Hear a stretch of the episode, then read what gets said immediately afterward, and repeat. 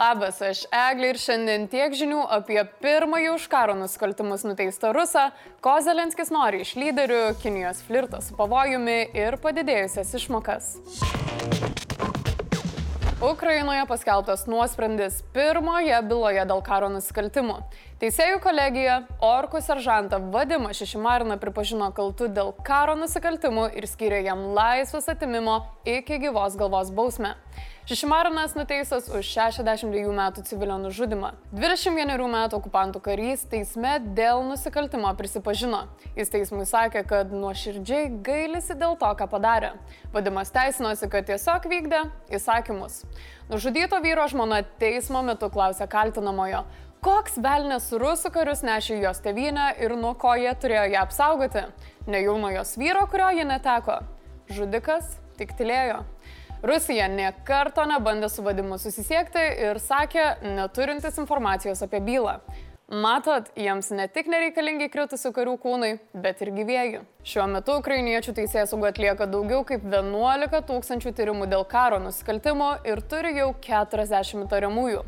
Generalinė prokurorė įsitikinusi, kad neliks ne vienos okupantų padugnės, kuri išvengs atsakomybės. Šį ketvirtadienį prieš teismą turėtų stoti dar du rusų kariai, kaltinami apšaudę raketomis civilinę infrastruktūrą šiaurės rytinėje Harkivo srityje. Tarptautinės institucijos tyria įtariamus Rusijos pajėgų nusikaltimus Ukrainoje, o šalyje dirba 42 tyriejų grupė iš Tarptautinio baudžiamojo teismo Hagoje.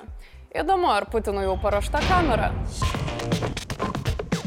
Kremliaus banditai toliau mėgaujasi civilių žudimu ir gyvenviečių deginimu. Okupantų pajėgos apšaudė 45 gyvenvietės Dombase, Donetsko ir Luhansko sritise sunaikino ar apgadino 116 civilinių pastatų. Įsibrovėliai raketų ir artilerijos smūgiais kapojo Ukrainos regionus. Rusams teks savo herbe vietoje kario durinčią drakoną vaizduoti karį durinti civilį. Dabar rusai sutelkė savo pastangas Severo Donetskui. Čia Ukrainos pajėgos per pastarąją parą atremė 11 priešo atakų. Pasak ekspertų, tokio polimo tikslas yra sukaustyti gynyboje esančias ukrainiečių pajėgas ir neleisti joms reaguoti į besikeičiančią situaciją kitose sektoriuose. Ukrainiečiai sako, kad yra beveik apsupti. O apsišaukeliškos Donetsko liaudės Respublikos lyderis Denisas Pušilinas pareiškė, esą visi Mariupolio Zovstal gamykloje pasidavę ir karo belaisviais paimti Ukrainos kariai bus teisiami specialiai tam sukurtame tribunole.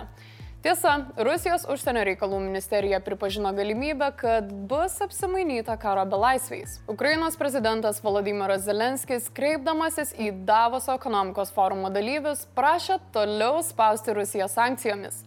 Lyderis nori pirma, rusiškos naftos embargo, antra, visų Rusijos bankų atjungimo nuo pasaulinių sistemų ir trečia, visiško prekybos su Rusija sustabdymo. Sunku? Sunku. Įmanoma? Įmanoma. O Ukraina teroristams padarė beprecedentį nuostolį, sunaikino savo eigį artilerijos įrenginį. Pasirodo, tai yra pirmas patvirtintas atvejis, kai tokios klasės savaigis artilerijos renginys buvo sunaikintas apskritai šio laikinėje istorijoje. Žinoma, už darbą reikia dėkoti ne tik narsiems ukrainiečių kariams, bet ir rusų propagandistams, kurie parodė tulpaną savo įrašuose. Spasyba Duraki. Per tris pirmosius plataus masto agresijos prieš Ukrainą mėnesius Rusija jau neteko tiek kareivių, kiek Sovietų sąjunga Afganistane per devynerius metus. Teigiama, kad trašomis Ukrainos žemelių jau tapo beveik 30 tūkstančių orkų kareivėlių. Ukraina nepasiduoda. Sakė, kad savo žemės neatiduos, todėl apie dėrybas dėl teritorijų atsisakymo negali būti net kalbos. Slava Ukrainė! Dėl karo Ukrainoje pasaulis rodos pamiršo apie Kinijos ir Taivano konfliktą. Jei Kinija ir kada galvojo, kad galės Taivaną atsimti jėga, tai panašu, kad jų planams gali būti nelemta išsipildyti. JAV prezidentas Joe Bidenas perspėjo, kad Kinija flirtuoja su pavojumi.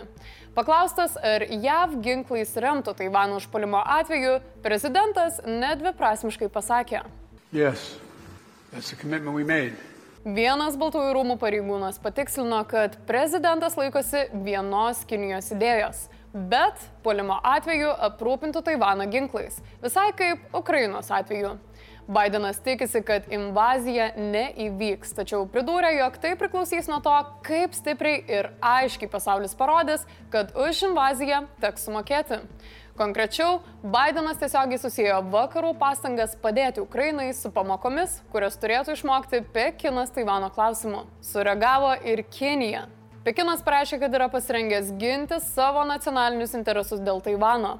Pekinas autonominę, demokratiškai valdomą Taivano salą laiko savo teritorijos dalimi ir nekartą sakė, kad kada nors ją susigražins, prireikus jėga. Kad Rusijos armija nėra numeris 2 pasaulyje, jau sužinojome. Labai nesinorėtų sužinoti, kokio pajėgumo yra kinų kariuomenė. Oficialu. Nuo birželio didės socialinės išmokos. Taip vyriausybė siekia bent iš dalies kompensuoti infliacijos pasiekmes, mažinti skurdą ir socialinę atskirtį. Socialinės apsaugos ir darbo ministra Monika Navickienė mano, kad padidintos išmokos leis socialiai pažeidžiamiausiams žmonėms lengviau išgyventi augančias kainas. Nors kainos auga taip greitai, kad greitai reikės tiesiog išgyventi. Bet gera pradžia - pusė darbo. Tai kur dabar bus skirta daugiau pinigų?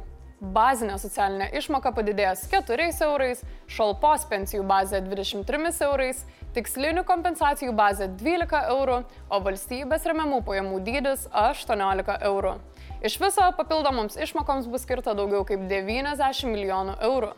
Padidėjus šalpos pensijų baziai, kai kurios šalpos išmokos padidės iki 50 eurų, o padidinus valstybės remiamas pajamas, vidutinis socialinės pašalpos dydis auks maždaug 125 eurais.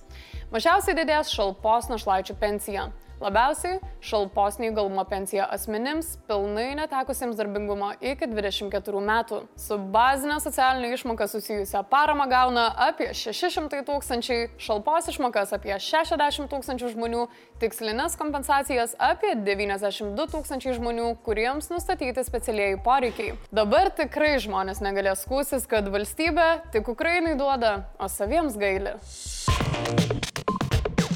Blitz naujienos.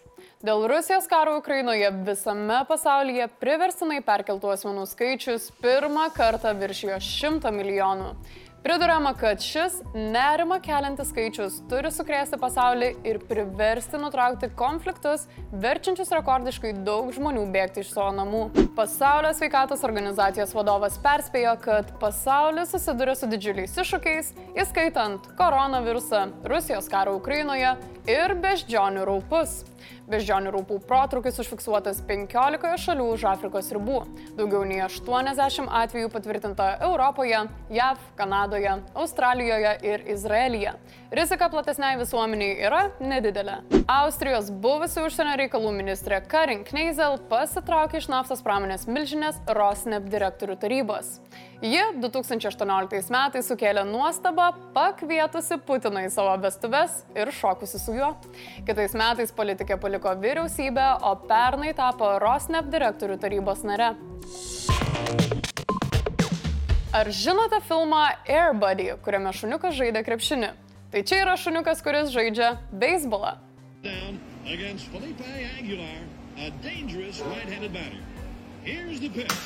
Čia buvo Eglė ir šiandien tiek žinių. Sustiksim rytoj.